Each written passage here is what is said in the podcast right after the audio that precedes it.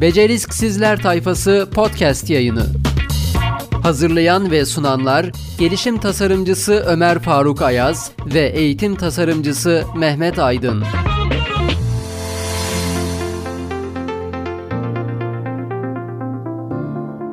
Merhaba gençler. Merhabalar, hoş geldiniz. Beceriksizler tayfasına hoş geldiniz. Evet, beceriksizler tayfası hocam. Beceriksizler. Evet. Risk yok. Evet. Becerini tamamladığın takdirde riske gerek yok. Nasıl böyle çevreden hani bana DM'den falan mesaj atıyorlar gençler. Becerisk. Siz nereden buldunuz bu ismi? Gülücük atanlar var. Biraz iyi Yani bir şey oldu herhalde aslında. Beğenildi. Beğenildi. Yani şey e, özellikle bizim programın içeriğiyle ile ilgili olduğu için biraz da farklı hatta söylerken biraz zorlanıyorlar tabii ama yine de güzel. Evet. Beceriksizler. evet, bugünkü bölümde ne konuşacağız hocam? Bugün güzel bir konumuz var. Online eğitimde ölçme ve değerlendirme. Başlığımız bu. Oo, tam konusu.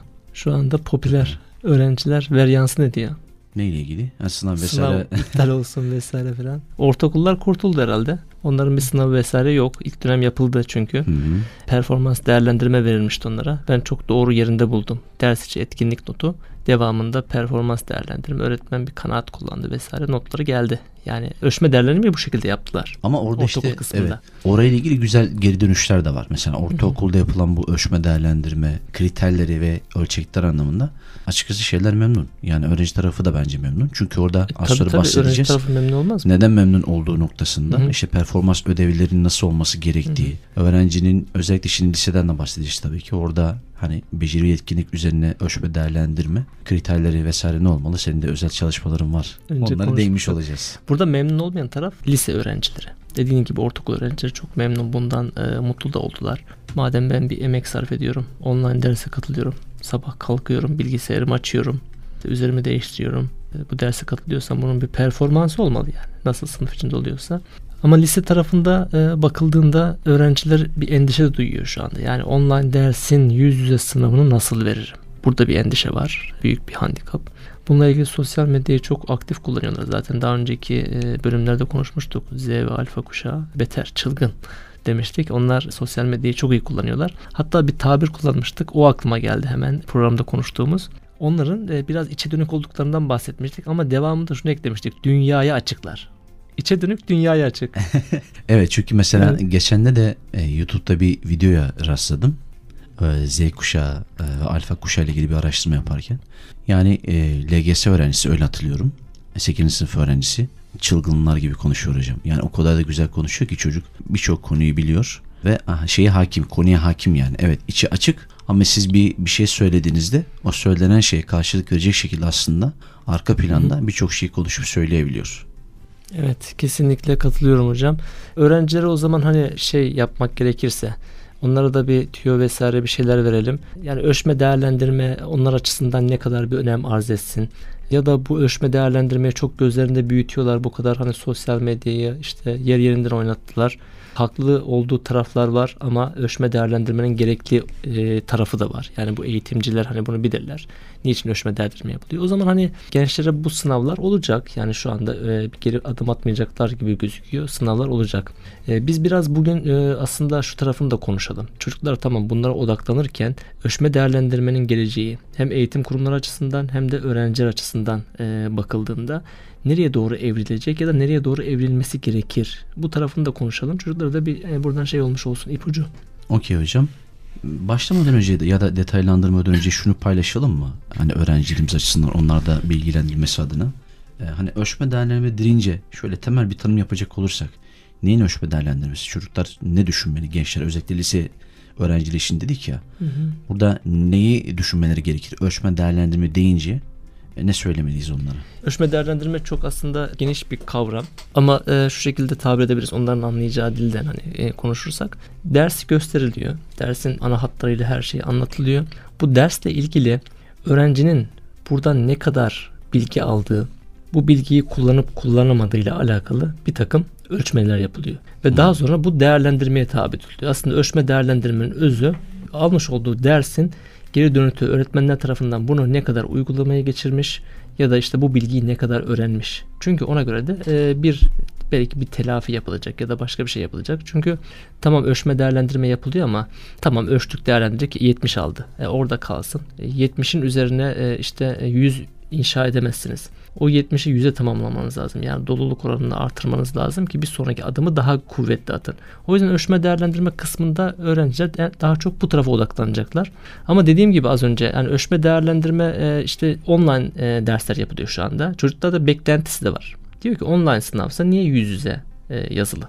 Hmm. Niye yüz yüze ölçme? Sorguluyorlar. Ya, sorguluyorlar. Sorgulayan bir jenerasyon evet. olduğu için. Evet, eleştirel düşünme diyoruz yani gelişmiş yani bu çocukların aslında bir takım becerileri e, bu yaşlarda ciddi manada gelişiyor.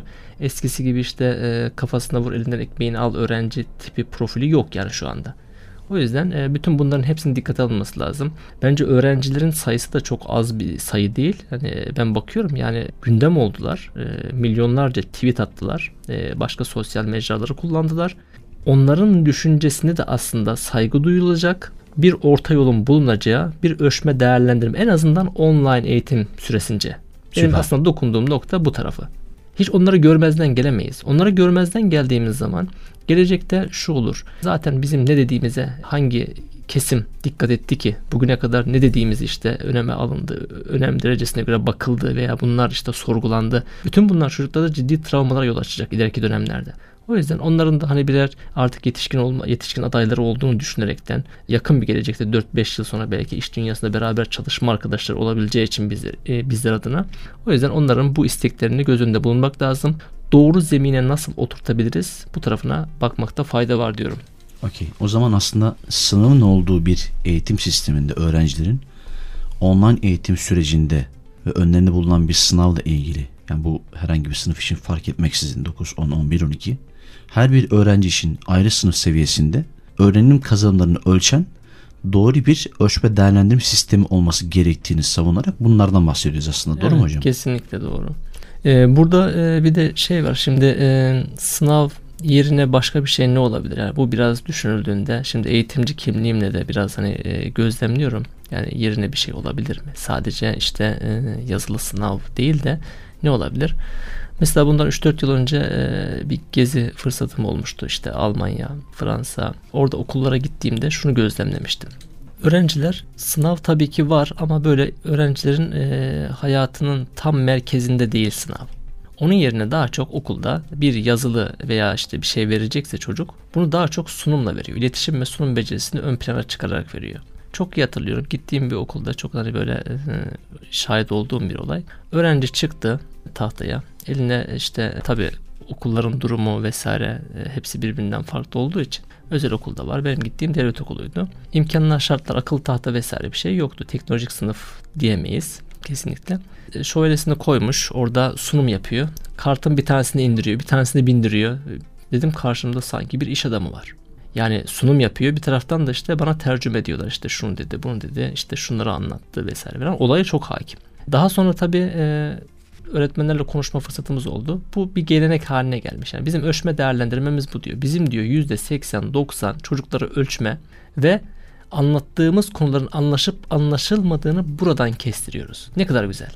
Bu eğitim penceresinden ama değil mi? Evet eğitim Yani şunu söylüyorsunuz. Öğrenci dersle ilgili akademik seviyesini ölçmek için sınava dayalı değil de öğrencinin kendisini ifade ettiği, öğrendiği şeyleri kendisinin anlatabildiği, iletişim kurabildiği, Hı-hı. bunu sunum şeklinde öğretmenlerine gösterebildiği ve hatta burada diğer arkadaşlarıyla etkileşim kurarak da Tabii, kazanımlarını geliştirdiği, e, daha kalıcı hale getirdiği bir ölçme değerlendirme sistemi aslında. Evet. E, bu eğitim penceresindense o zaman hani dediniz ya az önce o çok güzeldi. Ben de bana da kolaylık oldu. Teşekkür ederim hocam iş dünyası penceresinden baktığınızda da e zaten iş dünyası da bunu bekliyor istiyor. Diyor ki iyi bir iletişim kurabiliyor musun? İçeriklerini yani orada senin sunacağın içerik kaynak her neyse bunu doğru şekilde kişiye aktarabiliyor musun? İkna kabiliyetin ne kadar güçlü? Ve bunu en kısa zamanda kabul ettirecek şekilde sunum becerine, hitabet becerilerine sahip misin aslında? İş dünyasının beklentisi de buysa o zaman eğitim penceresinden bakarak iş dünyası penceresine geçiş yapmak lazım değil mi? Yani bu aslında eğitimde geçerli olması olan model evet, olması gerekiyor. Zaten destekleyen bir şey olması lazım. Hep onu konuşuruz. Okul hayatında çocuğun e, yaptıklarıyla iş dünyasında yaptıklarının e, benzersiz şeyler olmaması lazım. Burada eğer bir sunumla kendini ifade edip iletişimini kuvvetli tutabiliyorsa, kendini ifade gücü çok yüksekse iş dünyasında dediğin gibi sıkıntı yaşamıyor. E, birbiriyle örtüştürmek lazım. Yani bizim e, bu arada kopukluklarımız var. E, işte yine e, hep büyük hayalimiz ya ortaokulu liseye bağlan, bağlantısını nasıl yapabiliriz? Liseyi üniversiteye nasıl bağlarız? Üniversiteyi iş dünyasına nasıl, nasıl bağlarız? bağlarız? İşte böyle bağlarız. Yani temelinden e, çocukların böyle işte e, aslında hoşnut olmayacağı. Yani günümüzde biraz çok şey değişiyor. Şimdi bir yıl öncesine kadar online eğitim bu kadar yaygın olacak dese kim inanırdı? Kimse inanmazdı. E şimdi o zaman online e, eğitim e, geldi hayatımıza bir türlü girdi e, ve e, devam edecek de e, gözüküyor. E, o zaman biz e, bir takım şeyleri düşünmemiz lazım. Yani bunun gerekliliğini neden gerekli? Evet neden gerekli? Yani bu tarafına biraz e, eğilmemiz lazım. Çok kısa şuradan da bahsetsek olur mu? Şimdi hani son söylediğinizle yine ilişkili. Hani iş dünyası penceresi, eğitim dünyası penceresi, ortaokuldan liseye, liseden, üniversite, üniversiteden iş dünyasına geçiş mekanizmasını doğru şekilde yapmak ve buradaki öğrenilen her bir şeyi, öğrenilen her bir şeyi mesleki anlamda, iş anlamında öğrencileri nasıl kazanım haline getiririz ve bu anlamda gerekli beceri yetkinlikler nelerdir? Toparlayacak evet. olursak aslında Hı-hı. böyle bunu anlatıyoruz. E peki e, burada eğitimci tarafından da baktığımızda eğitimci penceresinden aslında onlar açısından biraz zor gibi görünüyor olsa da doğru modeller de var değil mi hocam? Uygulanabilir modeller. Mesela ben burada bir kez daha teşekkür ederek sözü size paslayacağım. Çünkü şu anki eğitim kurumunda da benzer bir modelle e, ders tasarımlarını yeniden ele alarak harika bir iş çıkarıyorsunuz. Evet. Oradan kısaca şöyle bahsetsek sonra evet. kapatsak olur mu? Olur, Çok güzel olur. Orası. Ee, şimdi e, tabii ki dedim ya online eğitimde bir şeylerin değişmesi gerekiyor. Yani sadece online ders aldık ama bunun ölçme kısmı işte uygulama kısmı. E, sene başında düşündüm aslında geçen yıl e, biraz e, tabii online eğitimin e, iç yüzünde görünce işte zorluklarını, kolay yon, yanlarını e, bunlara bakınca insan hani beyin fırtınası yapıyor ve diyor ki hani şunu yapmam lazım. O yüzden e, yeni ders tasarımlarına ihtiyaç olduğunu duydum ve e, hemen e, okuldaki zümremi toplayıp e, dedim ki arkadaşlar yeni bir e, sisteme geçiyoruz. Hocam ne sistemi yani bu dönemde neyin sistemini değiştiriyoruz falan. Zaten değişiklik olmuştu bu ne değişiklik? Evet değişiklik olmuş da neyi değiştiriyoruz? Çok hani e, böyle ilk söylediğimde e, bir afalladılar tabii ki. Sonra biraz içeriğini anlattığımda aslında e, çocuklara tam bu online eğitimde, dijitalde daha çok kullandıkları bir ortamda ders öncesi bir takım işte e, bilgilerin e, verilerek ders içerisinde daha çok yer ayrılması gerektiği ile alakalı e, bir sunum yaptım. Aslında bu Flip Learning temelli bir eğitim. E, sadece bununla da kalmadım. Hep e, diyoruz ya beceri ve yetkinlik temeli ders tasarımı. Flip Learning'i bilenler bilir. Öğrencilere de buradan söyleyelim. E, Flip Learning temelinde öğrenci dersi derste değil de dersin öncesinde öğrenir. Derste uygulamaya daha çok zaman ayırır. İşin özeti bu. Ama bunun içerisine biz ne kattık? Beceri ve yetkinlik e, temelli bir ders tasarımı oluşturmak için şunu yaptık. Dedik ki 14 farklı beceri belirledik. Bunu da arkadaşlarla belirledik. En çok çocukların ihtiyaç duyduğu beceriler neler? Ders tasarımı yaparken bir konuyu anlatacaksam hangi beceriyi verebilirim? Bir düşünelim. Çünkü e, esas amaç bu ya. Sadece işte az önce dediniz yani bir teknik bilgi yetmiyor sadece şu anda. E, işte e, işi öğrenmek yetmiyor. İşin yanında o işin yetkinliklerini de bilmek gerekiyor ki iş dünyasında bir karşılığı olsun. Evet. O yüzden biz hem Flip Learning devamında da ona eklenti yaparak e, işte beceri yetkinlik temeli ders tasarımlarını oluşturduk. Şu an gayet çok güzel gidiyor. Öğretmenler çok memnun. Öğrenciler tabii ilk başta biraz bocaladılar. Yani e, ders öncesi bir şey gitmiyormuş onlara. D- daha çok dersi gördükten sonra ödev gidiyormuş bol bol böyle. Ödevler yapılıp yapılmadığı kontrol vesaire birçok sıkıntıları var. Ama şu anda e, ders öncesi giden video içeriğini e, mini böyle quizlerle öğretmen test edebiliyor. Kim dinledi kim dinlemedi. Derse geldiğinde çocuk daha fazla soru çözecekse soru çözmeye vakit ayırıyor. Uygulama yapacaksa uygulamaya e, zaman ayırıyor. O zaman şöyle de diyebilir miyiz toparlayacak olursak? Ee, aslında bu sadece eğitimci açısından geçerli değil. Ee, bu arada hani siz eğitimleri tasarladık diyorsunuz ya orada aslında siz öğrenmeyi de yeniden tasarlamışsınız. O yüzden e, öğrenme temelli yani öğrenci açısından baktığımızda öğrenme temelli bir e, kişisel öğrenme süreci tasarlanırsa öğrenci zaten bilgiyi herhangi bir yerden sağlayabiliyor. Burada önemli olan neyi öğrendiği, niçin öğrendiği ve bunu nerede kullanacağı ile ilgili doğru bir öğrenme tasarım eğer gerçekleştirilirse ki hı hı. öğrenciler e, özellikle pandemi süreci ve sonrasında ki çok yakın bir gelecekte ve önümüzdeki gelecekte belki 10-15 yıl sonra bundan sonraki aslında eğitim modeli şunun üzerine kurgulanmayacak mı hocam? Siz bu konuda lütfen destekleyin beni. Yani eğer yanlışsam tabii ki destekleyin derken yanlışsam da eleştirin tabii evet, ki. eleştirin hocam hiç kaçmaz. Buyurun bakalım. Zaten Bekliyorum. şey hani yanlış yapsak da öğrenciler dinledi zaten onlar da eleştiri sunacaklardır. O da Evet, ayrı bir evet. konu. Ee, hatta eleştirsinler de. Yani Hı hı. hocam gerçekten bu doğru mu diye. Şimdi şöyle bir gerçekte karşı karşıyayız. Bilgi her yerde. Herhangi bir kaynaktan bu bilgiyi sağlayabilirler. Öğrenci kendi öğrenme süreçlerini nasıl tasarlayacak ve bu anlamda lise ve sonrasında üniversite geçtiklerinde onlara nasıl bir eğitim modeli bekliyor? Yüz yüze mi olacak? Hibrit eğitim mi olacak? Hibrit eğitim olacaksa işte o zaman öğrenci kendi öğrenme kaynağını nereden ne şekilde nasıl belirleyecek ve bu onun ne işine yarayacak? Ne işine yarayacak? İş dünyasına geçişinde tam da bunu görecek. Evet. Net yani. Hocam şu anda böyle ceza sahası içerisinde çok güzel bir orta yaptın. Diyorsun ki Hocam gol çak. Gol, gol at. Kesinlikle hocam. Öğrenmeyi öğrenmeden bahsettiniz aslında. Öğrenmeyi öğrenme. Kesinlikle hocam. e, hayat boyu öğrenme şu anda. Yaşam işte, boyu öğrenme, yaşam- öğrenme stratejileri. Kesinlikle aslında bahsettiğiniz tam da olay o. Çocuk bunu öğrendiği zaman zaten gençlere hani buradan tavsiyemiz de olsun. Öğrenmeyi öğrensinler. Öğrenmeye giden yolları keşfetsinler. Şimdi artık eskisi gibi birisi anlatsın ben dinleyeyim ondan öğreneyim olayı kalktı ortadan. Bunlar çoktan gitti. O yüzden e, toparlayacak olursak online eğitimde ölçme değerlendirmeye de çok fazla anlamlar yüklemesinler. Bunlar gelip geçici şeyler. Her zaman dediğimiz gibi bir işte bizim seminer konumuzla e, bitirelim istersen. Bir diplomadan daha fazlası beceri ve yetkinlik. Evet. Kapatıyoruz. Kapatıyoruz. Demek o zaman buradan yine bak hocam pasladın yine. Ben de o zaman ikinci gol atayım.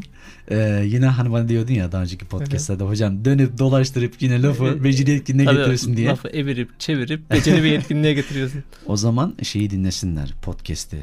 Bir diplomadan daha fazlası podcast Hı hı. kanalımızda var. O Evet. podcast serisini e, bölümünü mutlaka dinlesinler diyoruz. Ve Teşekkür- bu bölümü kapatıyoruz. Kapatıyoruz. Hocam süper bir başlıktı yine. Teşekkürler. Emeğine Evet. sağlık. Ağzına sağlık. Görüşmek dileğiyle diliyoruz. Gençler kendinize iyi bakın. Hoşçakalın. Hoşçakalın.